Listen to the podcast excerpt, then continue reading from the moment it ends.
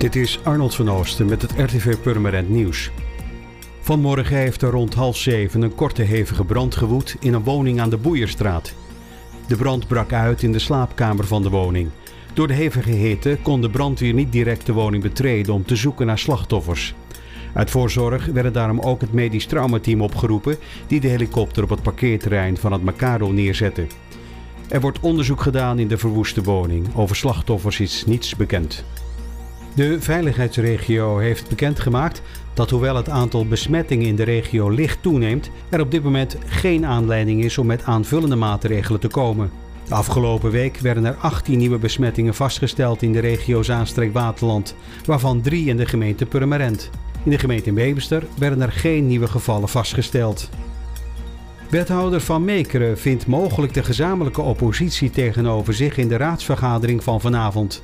Aanleiding is het door de oppositiepartijen aangevraagd interpellatiedebat over voortgang in de informatievoorziening rond het project Gasvrij Purmerend. De partijen willen antwoord op de vraag waarom bewoners een drietal brieven hebben gekregen over onder andere de annulering van werkzaamheden aan warmtenet en riolering, zonder dat de raad daarover is geïnformeerd. Of het aangevraagde interpellatiedebat doorgaat, beslist de raad vanavond ter plekke. De radiozender van RTV Purmerend is vanaf gisteren ook via DAB Plus te beluisteren. DAB Plus is de beoogde opvolger van de traditionele FM-frequenties. De belangrijkste kenmerken zijn een beter geluid en een groter bereik.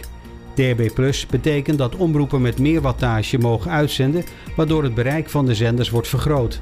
Lars van der Mande, hoofdredacteur van RTV Purmerend, benoemt dit als een van de grote voordelen. Je hoeft niet meer tijdelijk over te schakelen naar een andere zender als je buiten de stadsgrenzen en dus het huidige bereik van RTV Purmerend bent. Natuurlijk blijft RTV Purmerend ook gewoon te beluisteren via 104.9 FM in de ether of online via de website rtvpurmerend.nl. Na spannende weken werd gisteravond in het RTV Purmerend programma Mik bekendgemaakt wie de leukste hond van Purmerend heeft. Na meer dan 400 aanmeldingen won gisteren Mandy met haar hond Harley de titel. Meer dan 2000 stemmen waren er uitgebracht en Harley won met ruim 48% van de stemmen. Voor meer nieuws, kijk of luister je natuurlijk naar RTV Purmerend, volg je onze socials of ga je naar rtvpurmerend.nl.